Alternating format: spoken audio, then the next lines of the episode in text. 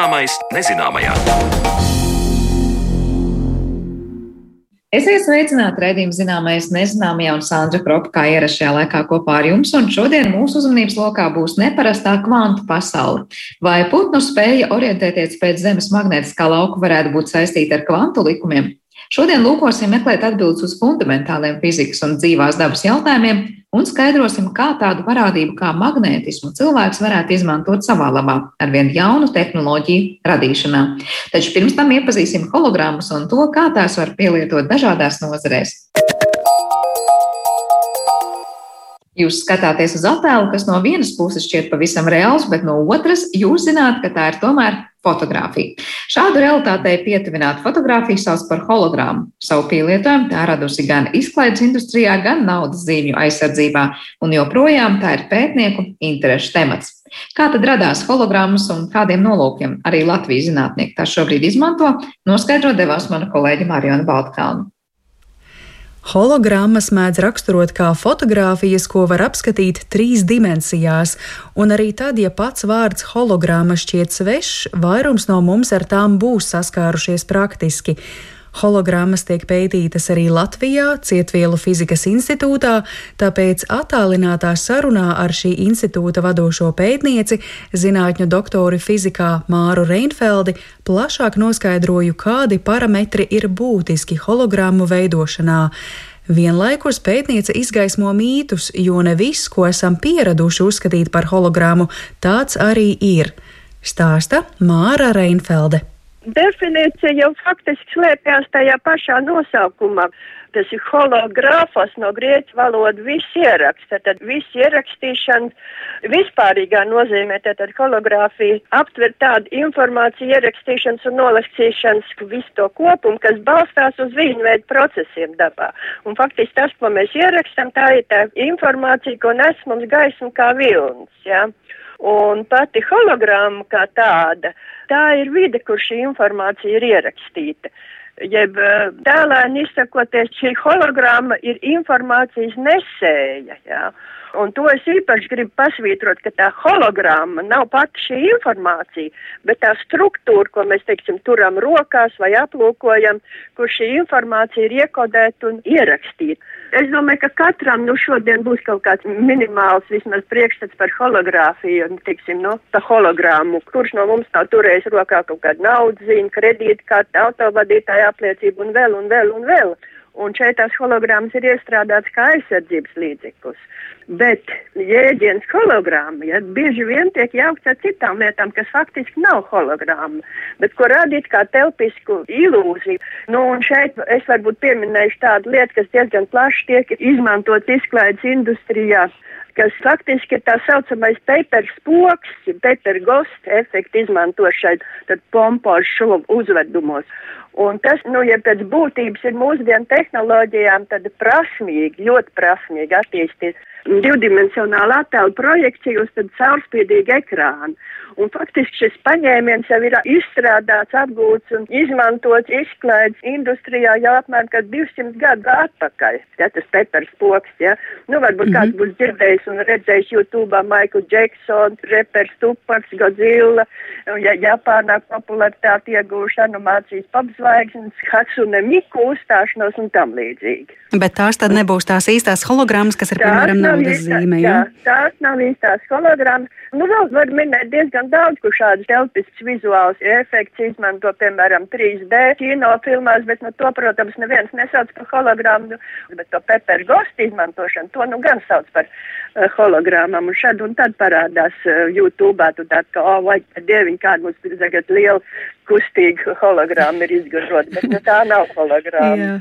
bet tādas sadzīvē biežāk izplatītākās, ko mēs tiešām varam saukt par hologrammu, ir jūsu jau pieminētā naudas zīme, varbūt vēl kāda piemēri? Jā, ja kāds varbūt ir redzējis geolus lietuviešu veidotās hologrammas, viņiem ļoti, ļoti tā attīstītā hologramma izgatavošana, bet tas ir muzejos, viņi tā kā muzeja eksponātu vietā, viņi faktiski noliek hologrammu, un tas tiešām rada tādu, nu, telpisku, faktiski, nu, tā kā šis eksponāts tur reāli būtu. Ja. Nu, vispār vēl par to hologrāfijas procesu kā tādu. Ja. Mums ir tas priekšstats par gaismu kā vilni, ko raksturo, nu, teiksim, tādu parametru kā viņa garums, amplitūda, fāzi. Ja. un viņu garumu to mēs ikdienā uztveram kā krāsu. Un tālāk tā amplitūda, vēl viens viņa parametrs, tas raksturo gaismas intensitāti, cik spoži mēs to redzam. Bet kas ir galvenais, ja, hologrāfijā? Fāze. Un fāze tas ir tāds lielums, kas raksturo šīs viņas svārstības stāvokli katrā laika momentā un katrā telpas punktā tieši viņa fāze ir tas parametrs, kas satur šo informāciju par priekšmetu telpisko struktūru. Un hologrāfija ir tas instruments, kas šo informāciju spēj uztvert un saglabāt. Savukārt informācijas saglabāšana notiek izmantojot vēl divas gaismas viļņa īpašības - interferenci jeb viļņu pārklāšanos vidē un difrakciju jeb viļņu apliekšanos ap ceļā sastaptiem šķēršļiem. Gana liels vaininieks hologrāfiska attēla radīšanā ir lāzeris. Tieši ar lāzera stara palīdzību tiek ierakstīta interferences jeb viļņu pārklāšanās aina. Laboratorijas apstākļos gan tas notiek vēl smalkāk, proti vispirms ar staru dalītāju sadalot lāzera staru divās daļās, pēc tam apgaismojot priekšmetu, ko ir vēlme ierakstīt, visbeidzot salaižot atkal kopā sadalītās lāzera stara daļas. Tā rezultātā rodas interferences aina, respektīvi priekšmets tiek fiksēts materiālā. Bieži vien šim nolūkam tiek izmantoti gaismas jutīgi, piemēram, sudraba materiāli, līdz ar to hologrāfija notiek tumsā, bet Māra Reinfelde sarunā min, ka tiek pētīti arī tādi materiāli, ar kuru palīdzību hologrammu var iegūt gaismā. Beigās hologrammas attēls nonāk mūsu acī un iedarbojas uz mūsu redzi tāpat kā īstais priekšmets That's. Faktiski jau viss to, ko mēs redzam, ir ilūzija beig beigās, ja ko mūsu smadzenes apstrādā. Nu, mums jau vienalga, no kurienes tas attēls nāk un kā, bet galvenais, ka viņš nonāk mums acī, ja, nu apmēram tā. Mm. Par to vēsturisko pusi runājot un vienlaikus par hologrāfijas kā metodes attīstību, mēs varam runāt 20. gadsimtā un to arī tiešām dēvē kā tādu pavērsienu fizikā 20. gadsimtā, un sākotnēji saprotu, tas būtiskākais, kā hologrāma ir izmantota, ir bijis eh, optikā, informācijas eh, uzkrāšanai, atjaunošanai. Pēc tam ir zināms, ka tas ir izmantots arī zinātniskajā fantastikā, pat kinofilmās un dažādām ilūzijām. Kā jūs raugoties uz tādu hologrāfijas vēsturisko attīstību, varat novērtēt, vai šobrīd mēs to lietojam tam pašam iemeslam, kam to izmantoja sākotnēji, vai arī ir citi virzieni attīstījušies? Tie virzieni ir ļoti dažādi. To hologrāfiju kā jaunu optiskās informācijas reģistrācijas veidu izstrādāja un formulē 1947. gadā Denis Gabors, ja, Ungāri izcelsmes britu zinātnieks. Bet tā hologrāfijas attīstība, tā kā mēs viņu pazīstam šodien, sākās tikai līdz ar lāzeru parādīšanos. Ja faktiski bez tiem lāzeriem mēs to hologrammu tādu izstrādāt nevaram. Jā, es vēl gribu uzsvērt, ka uh, faktiski tā pirmās hologrammas tika ierakstīts 1962. gadā, un tad, tad kad parādījās lāzers. Un tagad, iedomājieties, 22. gadā būs 60 gadu jubileja kopš pirmās hologrammas izgatavošana. Faktiski ar tiem autoriem, ko tur piemini, tie zināt, zinātniekiem, kur vārdi ir ierakstīti tieši pie hologrāfijas attīstība, zināmā mērā tas eh, demonstrē arī, kā tie hologrāmu tipi bija. Denis Gabors to pirmo hologrāmu ierakstīt, bet uh, nākošais solis ir Emets Līs un Jūras upatnieks. Jā, Jūras upatnieks, tas latviešu izcelsmes zinātnieks. Arī 62. gadā ierakstīju realizēt telpisku transmisijas hologrāfisko ieraksti. Nu, tas bija diezgan liels furors, kā saka, nu, brīnums. Skatās caur šo hologrāmu un redz, ka tur tas attēls ir, ka kaut gan attēlu reāli tur nav, bet mums acī nonāk tā fāze, nes tā informācija, un mēs viņu redzam, jā. Nu, bet šāda te tā saucamās transmisijas hologrammas, tās ir aplūkojums tikai lāzergaismā. Un tad nākošais svarīgais solis bija, tas bija Jūris Deņisjuks, Krievu zinātnieks, arī 60. gadā iegūt tā saucamo refleksijas hologrammas, ja arī viņi sauc par biezām hologrammām. Nu, tās ir tās, ko redzam muzejā, un tās var skatīties lampas vai saules gaismā. Nu, vēl viens vārds ir Stīvens Bentons, kas arī 60. gadu vidū eh, patentēja tādu metodu, kas ļauj tās transmisijas hologrammas, ko es teicu, ka, ka Emets Līs un Jūras upatnieks lika priekšā. Ka viņus var padarīt redzam redzams baltajā gaismā, ja tā saucamās varavīksnes hologrāmas. Un tās ir tās hologrāmas, ko mēs varam aplūkot uz uh, hologrāfiskajām uzlīmēm. Bet, nu, mēs labi zinām, ka 60. gados viss nav apstājies, lai gan tur ir tādi būtiski pirmsākumi. Tas viss, protams, turpinās arī šobrīd, un varbūt jūs, uh, Māra, varat uh, pāris vārdos uzburt pašreizējo ainu, kas notiek Cietvielu fizikas institūtā, kādā jomā jūs strādājat ar hologrammām, varbūt arī ar kādam praktiskam pielietojumam? faktiski tā hologrāfijas metode, nu, viņi ļoti noderīgi pētot tieši tas materiāla īpašības. Un visu laiku tiek tie materiāli atjaunot un meklēt, lai viņi pēc iespējas jutīgāk. Un ja tas materiāls nav jutīgs, tad viņš tos bildi fiksēt nevar nekādā gadījumā. Ja? Nu, pamatā mēs pie tā strādājam, kas saka, nu, jaunu materiālus izstrādāt un tos materiālus padarīt viņus pēc iespējams jutīgāks un tam līdzīgi. Māra Reinfelde skaidro, ka pagājušā gadsimta 90. gadu sākumā Latvijā bijis īsts hologrammu bums, tostarp hologrāfisko uzlīmju ražošana. Šobrīd gan tāds pieprasījums pēc uzlīmēm vairs nesot, taču tās var izmantot kā attraktīvus attēlus vai kā jau pieminēto aizsardzības mehānismu, piemēram, dokumentiem, jo panākt attēla viltojumu nesot tik vienkārši. Vēl līdztekus materiālu īpašību izpētēji Cietvielu fizikas institūts sniedzis iespēju ierakstīt hologrāfiskos attēlus un tādā veidā iepazīt gaismas viļņu dabu skolēniem. Institūta paspārnē izstrādāts arī diplomdarbs par hologrammām Latvijas Mākslas akadēmijā, tāpat institūta veidota hologramma savulaik pat bijusi daļa no Venēcijas biennāles. Kā redzams, fizika pārkāpj savas robežas un nonāk saskarē ar mākslu, bet pētnieki citviet pasaulē ar hologrammu palīdzību attīsta aizvien drosmīgākas idejas, piemēram, par telpiskiem televizoru un telefonu ekrāniem. Es tikai vēl gribēju beigās jautāt, kas tad galu galā bija tas hologrāfiskais visums, par ko te kādu laiku atpakaļ daudz un dikti runāja, vai tam ir vispār saistība ar tām hologrammām, par kurām mēs ar jums runājām? Ziniet, te, tas ir vairāk tāds ezotērisks vai filozofisks jēdziens. Nu, ir lietas, kur varētu būt tas hologrāfijas principi bijuši kaut kādā veidā dabā parādījušies. Piemēram, piemin tos tauriņus morfīta ziliem spārniem. Viņam tad tā struktūra ir tāda, gandrīz tā kā hologrāfiski varētu teikt, bet nu tāda sarežģīta struktūra. Nu, ir cilvēki, kas uzskata, ka mēs paši esam kaut kāda projekcija, hologrāfiskais attēls, bet tad ir jautājums, ja, kur tad tā hologramma atrodas, ja mēs esam tas hologrāfiskais attēls. Nu, nu apmēram tādā veidā. Jo ja mēs būtu tas hologrāfiskais attēls, tad tur būtu kaut kāda ļoti izsmalcināta tas interferences struktūra, ko kaut kur atkal kaut kas apgaismot, un tagad mēs te, kā saka, plātītos ar rokām un mutēm un tam līdzīgi. Par hologrammu izveidi un pielietojumu stāstīja Cietvielu fizikas institūta vadošā pētniece, zinātņu doktora fizikā Māra Reinfelde, un ar viņu sazinājās Marijana Baltkalna. Bet raidījuma turpinājumā pievēršamies tam, kā zināšanas par kvantu fiziku ir mainījušas mūsu izpratni par magnētismu un pat putnu migrāciju.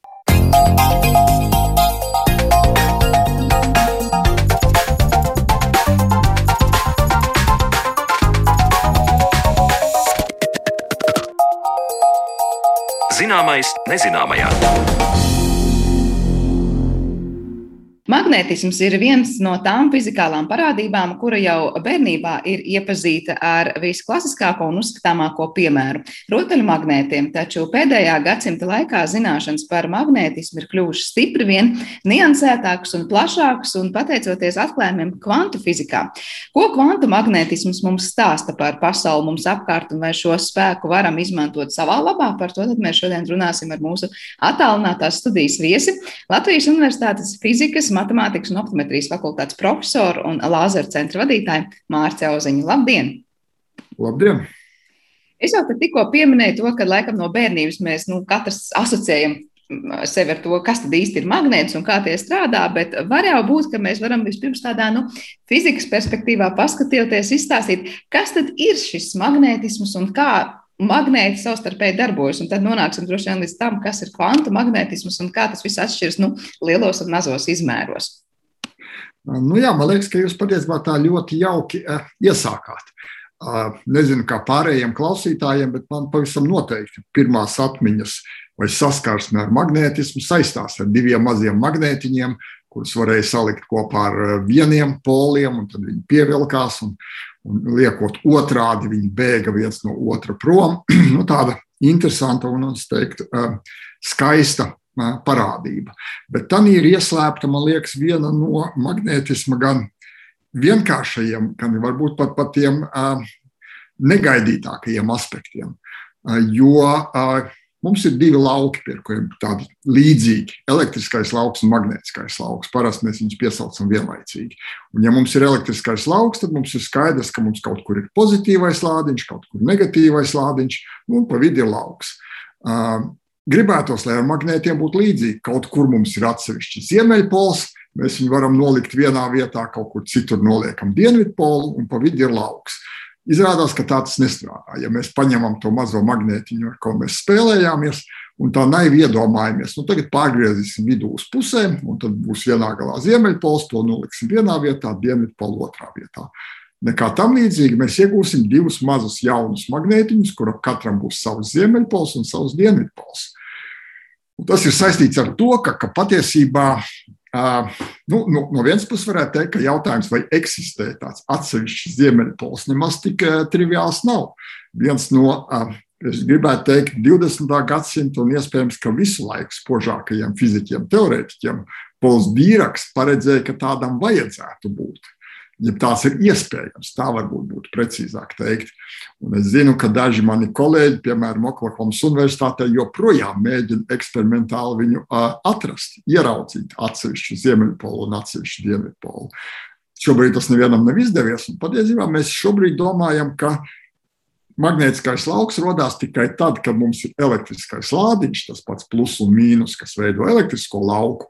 Un, ja viņš sāk kustēties pa riņķa līniju, nu, neobligāti par riņķa līniju, bet par noslēgtu kontūru, tad rezultātā mums radās magnētiskais lauks.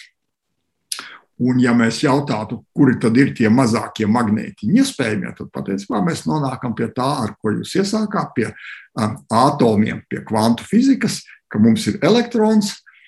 Elektrons atrodas atomā, noteiktā veidā. Es tā drusku minstinos teikt, ka riņķo ap kodolu, ja tas, tas nebūtu īsti precīzi. Un mani kolēģi kvantu fiziķi droši vien man tā sāks kratīt ar pirkstu, ka tik vienkārši runāt nav uh, labi.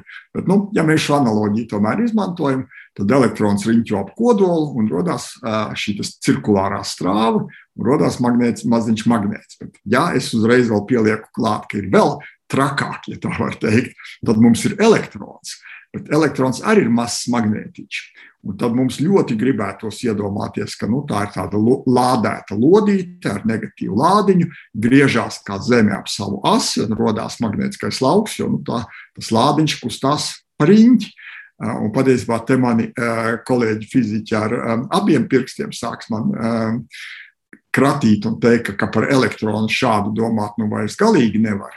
Jo, ja es tā nopietni gribētu izstāstīt, kas ir elektrons, es domāju, ka pat uh, profesionāļi šeit būtu tādā diezgan divdomīgā situācijā. Jo teorētiskie fiziķi saka, ka atbildes uz visvienkāršāko jautājumu, kādu mums cilvēks gribētos uzdot, nu tad cik liels ir elektrons, cik liela tā bumbiņa ir, kas griežās ap savu asi. Un atbilde būtu uh, absolūti paradoxāla. Es gribētu teikt, elektronam nav izmēru elektrons ir punktveida daļiņa. Un tad es tā ievelku elpu, iespējams, ka jūs arī ievelkiet elpu un sakiet, ka nu, viegli pateikt, ka kaut kas ir punktveida daļiņa bez izmēriem, lai mēs varam saprast, ko tas nozīmē. Es gribēju tieši teikt, bet punktveida daļiņai arī var būt izmērs, nu ļoti, ļoti maziņš, bet izmērs, vai tā tomēr nedrīkst teikt? Nu, matemātiķi tagad mums iebilst. Viņi teikt, ka punkts ir uh, matemātiska abstrakcija, kurai nav izmēra. Un, un, un, es gribētu pieturēties manai. Un atkal, viens ir, protams, pie, pieturēties pie dažādām fiziķu, matemātiķu izdomātām definīcijām, bet nu, mēs jau gribam tomēr tā cilvēciski sajust, saprast, par, par ko mēs runājam. Un arī šādā līmenī, pēc no mana, manām iekšējām izjūtām, nu, punkts ir kaut kas, kas ir punkts, kuram izmēra nav. Labi, lai paliek ar tiem izmēriem, bet jautājums ir, eh, tad, kad mēs runājam par nu, kvantu to magnētismu, vai mēs runājam par to, ko jūs tagad stāstījāt, bet ļoti, ļoti mazos izmēros un vēl tālu aiz tā, ko mēs varbūt varam izdomāt, vai tur ir kaut kāds pilnīgi cits eh, darbības mehānisms tiem magnētismiem? Nē, es domāju, ka tur nav nekāda cita izmēra. Jo, ja jūs tikko teicāt, ka jūs, mēs runājam par kaut ko mazu, bet iespējams, ka ir vēl kaut kas mazāks, nu, mēs jau tikko nonācām, ka mazākam par punktu nekas nevar būt. Līdz ar to mēs patiesībā šobrīd runājam jau tādā mazāko iespējamo daļiņu līmenī. Nu, mēs varētu vēl teikt, ka, ja mēs runātu par protoniem un neitroniem, kuriem arī ir visas šīs īpašības, nu, tad tur vēl ir kvarki, un, un, un kvarkiem atkal ir savi izmēri un savas īpašības. Nu, varētu vēl kaut ko drusku tur tā kā iet dziļāk. Bet patiesībā, ja mēs gribam cilvēciski saprast, kas ir magnētisms, tad es domāju, ka mēs lielā mērā varam palikt šī atomu un elektronu līmenī. Tur ir šie mazie, mazākie elementārie magnētiņi, ja tā var teikt, Viņam joprojām ir ziemeļ- un dienvidpols, joprojām viņus atdalīt nevar, jo tā ir tā cirkulārā strāva, tas elektrons, kas riņķo ap kodolu ar visām atrunām par to, ka, ka šī ir tāda vienkāršošana. Bet tomēr, un, un tad, ja mēs runājam tālāk par tiem magnētiņiem, ar ko mēs spēlējāmies bērnībā, vai runājam par kādiem lieliem magnētiem, nezinu, cernā, kas notur kūli, protonu kūli uz, uz šīs cirkulārās orbītas pātrinātājā.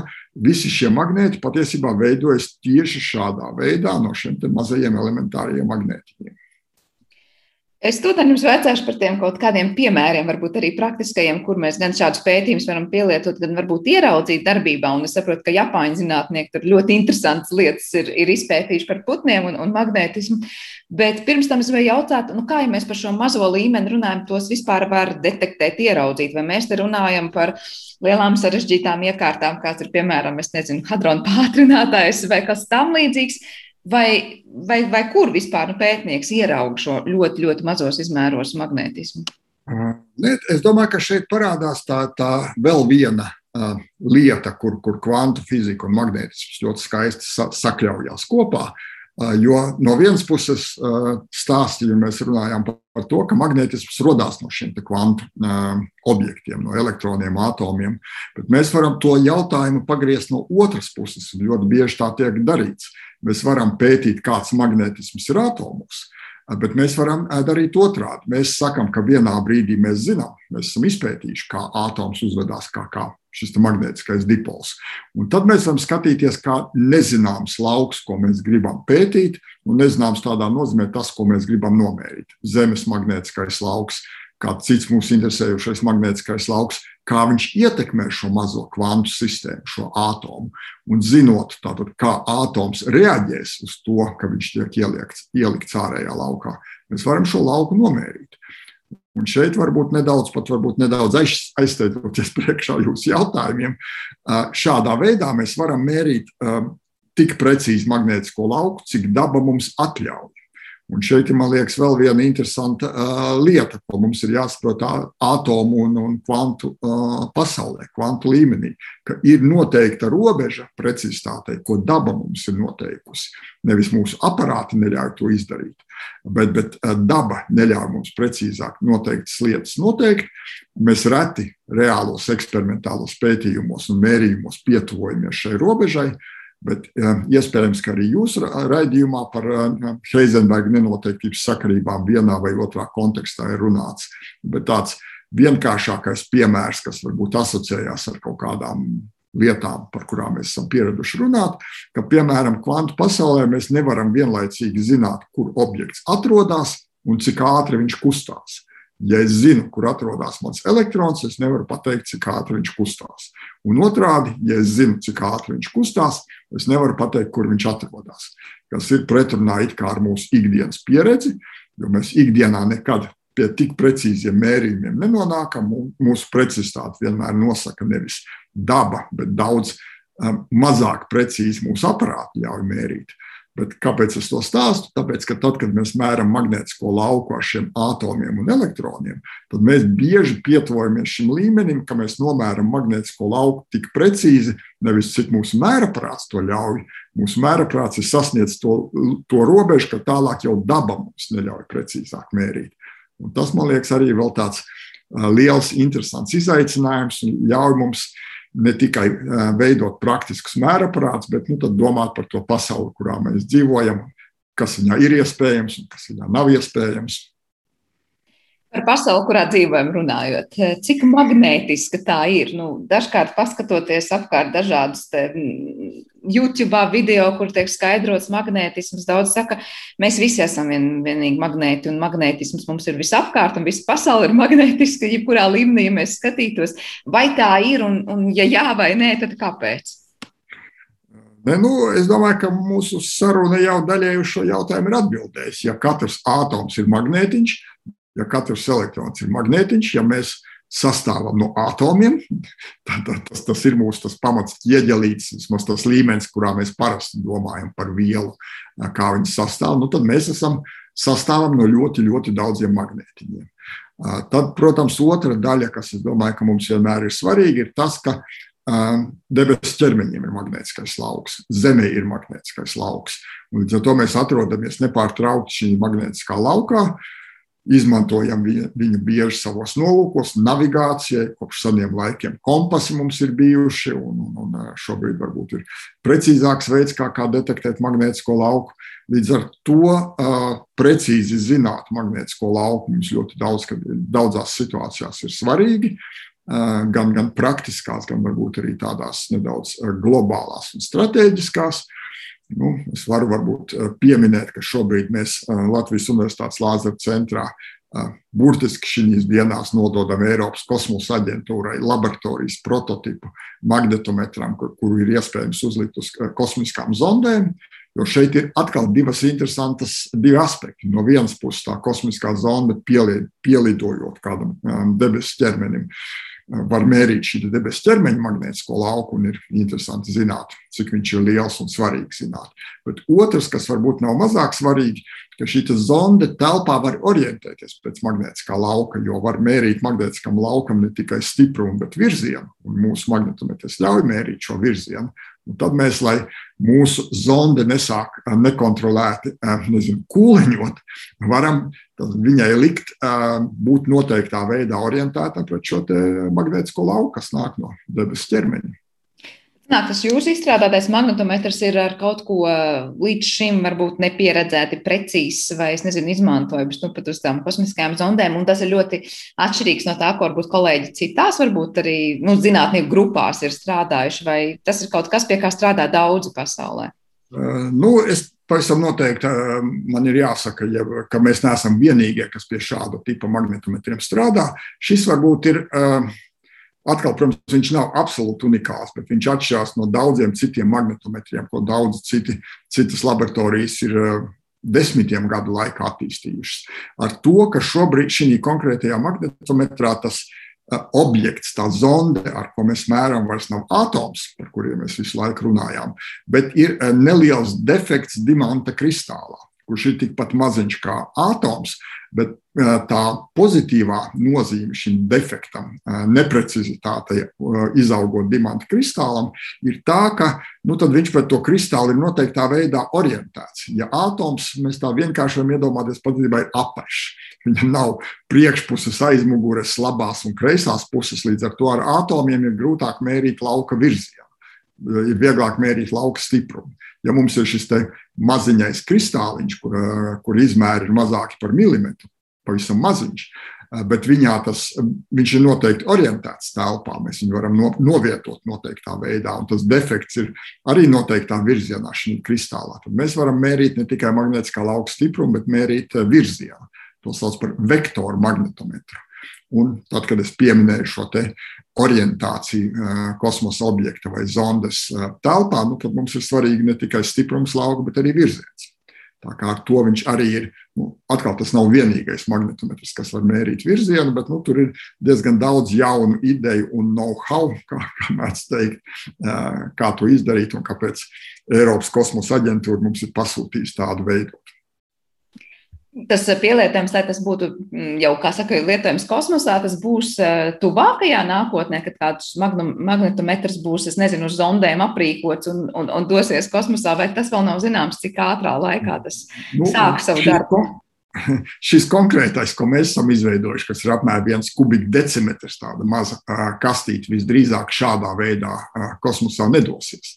Tāpēc to sauc par laboratorijas prototipu. Tur ir dažas varbūt lietas, kas vēl būtu jāatrisina, un tādas patiesībā ļoti prozaiskas. Viegli uztaisīt magnetometru laboratorijā, kur viņš dzēsējās ar gaisu visu laiku.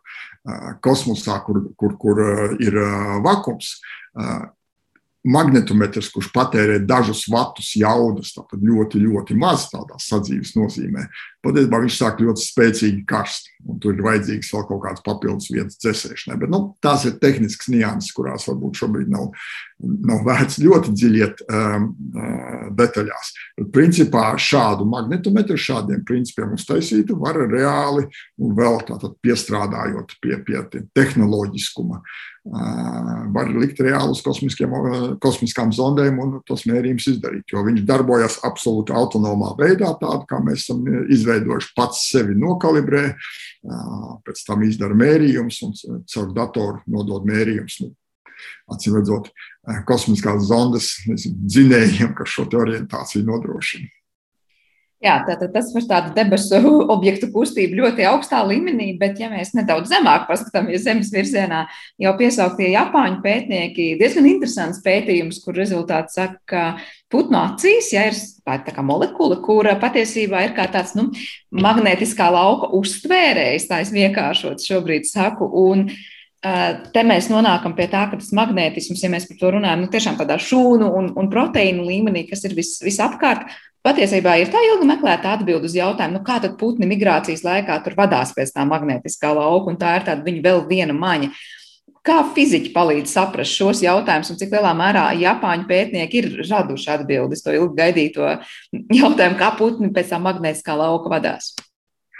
Nu, es domāju, ka pirmkārt tas pētījums, par ko jūs runājat, ir publicēts ļoti respektablā zinātniskā žurnālā, jo nu, šeit mēs varam dažādos internetu dziļumos un citur atrast dažādas informācijas, kas nevienmēr ir simtprocentīgi precīzi. Šī es arī viņu apskatījos, es domāju, ka patiesībā ir ļoti pārliecinoša un ļoti lielā mērā ticama. Un no tādiem fizikas, no fizikas viedokļa patiesībā šeit, man liekas, tā, tā situācija nav um, nemaz tik, kā lai to saka, grūti saprotama. Jo tas, ko es pirms mirkļa minēju, ka atomi precīzi reaģē uz magnētisko lauku vai dimanta kristāli, un defekti dimanta kristālos precīzi reaģē uz magnētisko lauku, es domāju, ka tā um, nevienmēr līdz galam skaidrā ķēdītes daļa ir kā tātad šī molekula, ko lauks ietekmē, un mēs zinām, ka to ir uh, iespējams saprast fizikālos terminos, kā tālāk fizioloģiski tas nonāk līdz um, nezinu, tam, ka, ka putns maina savu kustības virzienu un tā tālāk. Un, bet nu, šeit tā, tā, tā, tas neatbildētais jautājums, es domāju, ka ir nu, tāds globāls kognitīvo zinātņu jautājums, kā arī cilvēkam tās maņas, ko mēs iegūstam ar dažādām savām piecām maņām, kā galu galā viņas transformējas kaut kādos nervu impulsos un kādā veidā mēs, tas, tas ietekmē mūsu rīcību, lēmumu pieņemšanu, domāšanu un tā tālāk, kas pats par sevi ir fantastiski interesants jautājums. Nu, labi, putnu domāšana varbūt nav, nav tik uh, rafinēta, ja tā drīkst teikt, kā, kā, kā cilvēku uh, domu gaita, bet es domāju, ka tā ķēdītas daļa, kā no šīs molekulas, kuru man liekas, nav, nav tik sarežģīti nemaz izpētīt, kā, viņa, kā viņu ietekmē magnētiskais lauks, zemes magnētiskais lauks, kurš patiesībā ir ļoti spēcīgs. Tad, kad es runāju par šiem magnetometriem, kādus mēs taisām laboratorijā, mēs varam mērīt ar tādu pat relatīvi vien, vienkāršu magnētisko lauku, magnetometru, magnētiskā lauka izmaiņu, kas ir viena milja, miljonā daļa no Zemes magnētiskā lauka. Līdz ar to ļoti niecīgu zemes magnētisko lauku izmaiņu molekulas, atomi, dimanta kristāli spēj uh, just, ja tā var teikt. Es domāju, ka tā, tā, tā daļa, par ko es domāju, domā biologi, domā fiziologi, kognitīvo zinātņu cilvēki, kā no šīs izmaiņām molekulās, kā tas tālāk nonāk līdz jau kaut kādai rīcībai, putna lēmumam lidot vienā vai otrā virzienā. Jā, tas ir par putniem runājot. Es tā iedomājos, nu, kad mēs arī pirms tam sapratām, ka mums visapkārt ir teikt, tāda maz, maz magnētiņa, kā jūs teicāt, tas ir visur. Kā tas, ko tas nozīmē cilvēkam un cilvēku organismam? Mēs varam teikt, ka arī mūsu katra šūna arī ir es nezinu, pakļauta tam, ka tur notiek kaut kādas ļoti, nezinu, maza droši vien lauka, uztveršanas īpatnības vai kas tāds. Ko tas cilvēku organismam nozīmē? Putnam labi, viņš vadās pēc magnētiskā lauka migrācijas ceļos kā ar mums cilvēkiem? Nu, Droši vien, ka, tā ļoti profesionāli šo jautājumu varētu atbildēt mediķi, bet tas, ko es domāju, ka no fizikas viedokļa mēs diezgan viennozīmīgi varam teikt, nu, mēs iesākām šo sarunu, ka, ka elektriskais lauks un magnētiskais vienmēr iet roku rokā. Ka elektriskais varbūt ir drusku tādā, nu, tādā, tādā sadzīves līmenī, vienkāršāk saprasts. Pozitīvais lādiņš, negatīvais elektrons pārvietojas, plus strāva, mainās elektriskais lauks. Mēs zinām, ka Pirmais, ko mediķi, ja kādam no mums gadās, nedod Dievs, kādi nopietnāki medicīna, veselības traucējumi, ko viņi saka, uzņemsim jūsu kardiogrammu, paskatīsimies jūsu sirds elektrisko, elektrisko impulsu darbību, tad nomērīsim cilvēka elektrisko lauku. Un skaidrs, ka, ja ir elektriskais lauks, tad ir magnētiskais lauks. Viens no maniem kolēģiem, kas strādā Šveicē, Friburgas Universitātē, ļoti aktīvi nodarbojas ar to, kā šādus jutīgos magnetometrus, par kuriem mēs runājām, izmantot medicīnā. Viņam ir uztaisīta medicīnas iekārtas prototyps, kurā ir ļoti daudz šādu mazu magnetometru, un cilvēki ievieto no apmēram tā kā kodola magnētiskās rezonanses aparātā. Mēs esam, ja pašiem par laimi varbūt nav gadījies būt tādā, tad esam redzējuši noteikti, kā tas notiek, bet tikai Tādā aparātā ir izvietoti šie ļoti daudzie mazie magnetometri un tiek nomērīta cilvēka magnētiskā lauka karte. Un ir mediķi, kuri saka, ka jā, tad kartēt elektrisko lauku vien, elektrokardiogrammu uzņemt vien, varbūt ir situācijas, kad ir par maz informācijas, ka, ja mēs gribam precīzi saprast, kas notiek cilvēku organismā, šī magnētiskā lauka mērīšana ir papildus informācijas avots. Līdz ar to īsa atbilde, protams, ka mūsu organismā vienlaicīgi ar elektriskiem laukiem, un mēs zinām, kā arī nervu impulsi nododas ķīmiskā veidā un elektrisko impulsu veidā. Tad mūsu domāšanā arī elektriskais lauks spēlē savu um, daļu uh, lomas. Tad skaidrs, ka, ka šie lauki mūsos nepārtraukti ir un uh, ka viņus pētīt ir svarīgi gan varbūt no izziņas viedokļa saprast, kā tas mūsu organisms funkcionē, gan tīri no, me, no medicīnas viedokļa, nu, ja ir kāds medicīnisks problēmas, lai palīdzētu diagnostikā. Jā, var teikt, tā kā mums ir pirksta nospiedums, tā droši vien mums ir magnētiskā lauka nospiedums, katram savs un, un unikāls. Eh, es gribēju vēl vaicāt par vienu praktisku pielietojumu. Es saprotu, pie kā arī, vai tas ir tas eksistējošais magnetometra projekts vai kā citādi, eh, ka tiek izmantots, lai domātu par drošību lidostās arī. Tātad, kā šie magnētismu principi tiek likti lietā. Varbūt jūs varat izstāstīt vairāk, kāda ir tā ideja un kas tas ir par pētījumu. Tas arī ir patiesībā projekts, pasūtījuma projekts, kuram šobrīd pasūtītājs ir NATO. Jo NATO ir diezgan daudz civilas programmas, kas saucās Zinātni mieram un, un šāda tipa projekti. Projektu mēs veidojam kopā ar kolēģiem no Francijas un kolēģiem no Armēnijas. Šī gadījumā mēs atgriežamies pie šiem pirmsākumiem un saknēm. Šis magnetometrs ir veidots ar atomiem, ar rubīdiju un cēziju atomiem, kur ir tas objekts, kurš sajūt to magnētisko lauku. Un tā kā jūs pieminējāt, arī šādas drošības sistēmās tie, tie objekti, kas var izrādīties potenciāli bīstami sliktu cilvēku rokās, ļoti bieži uh, rada magnētisko lauku, nu, kaut vai tādēļ, ka viņi varētu būt met metāliski. Un lielākā daļa metāla, dzelzs, piemēram, kā mēs zinām, ferromagnētisku un, un, un um, magnētisko lauku no šādiem objektiem ir iespējams uh, detektēt. Līdz ar to uh, tas ir vēl viens projekts, kas šobrīd mums ir tādā relatīvi sākuma stadijā. Uh, Bet nu, attīstās ļoti veiksmīgi un cerēsim, ka ļaunais vīrus mums ļoti nekavēs viņa attīstībā. Tas ir eksperimentāls projekts.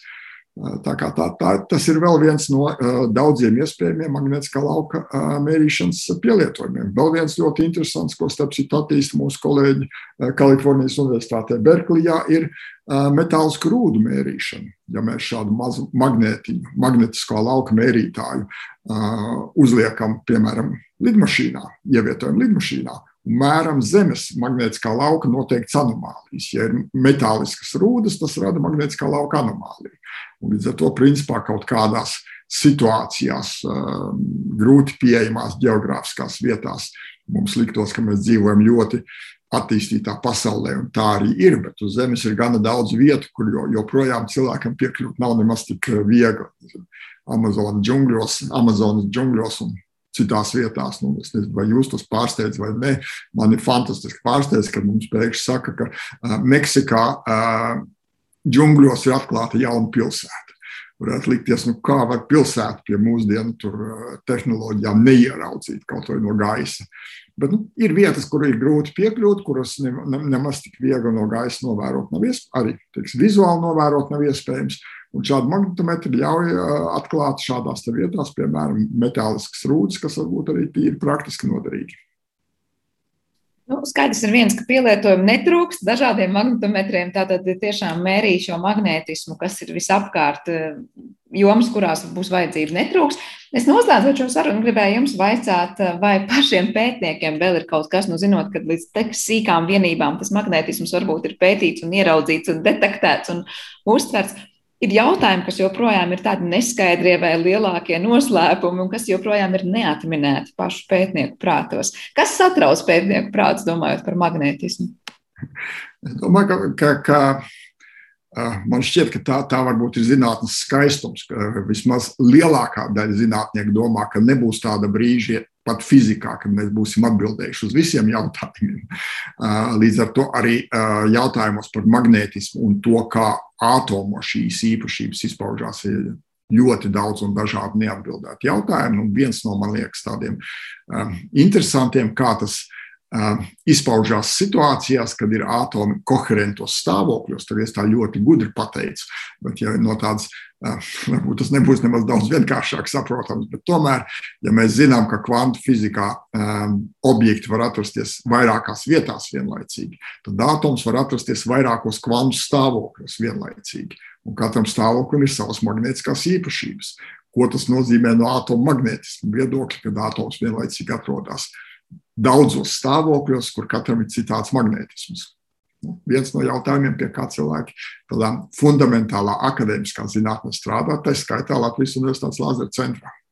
Jā, es saprotu to, ka klausoties tajā, ko jūs darāt un kādi rezultāti ir sasniegti, kad eh, šajā mūsu Latvijas vidē patiesībā notiek ļoti daudz interesantu lietu tieši magnētiskā pētniecībā un praktiskā pielietojuma, var teikt, tādā veicināšanā, kas nu, jau sevi piesaka gan NATO vajadzībām, gan arī Eiropas kosmosa aģentūrai. Es pieņemu, tie ir tikai daži no piemēriem, ko jūs mums esat šodien izstāstījis. Lielas paldies jums par šo sarunu, un es atgādināšu mūsu klausītājiem, ka šajā raidījuma pusstundā mēs bijām kopā ar Latvijas Universitātes fizikas, matemātikas un optometrijas fakultātes profesoru un Lāzara centra vadītāju Mārci Auziņu. Ar to arī šis raidījums ir izskanējis, un par to parūpējās producenta Paula Gulbinska. Mūzikas redaktors šai stundai bija Girts Bišs, bet ar jums kopā es Sandra Kropa. Mēs tiekamies jau pavisam drīz. Visu labu!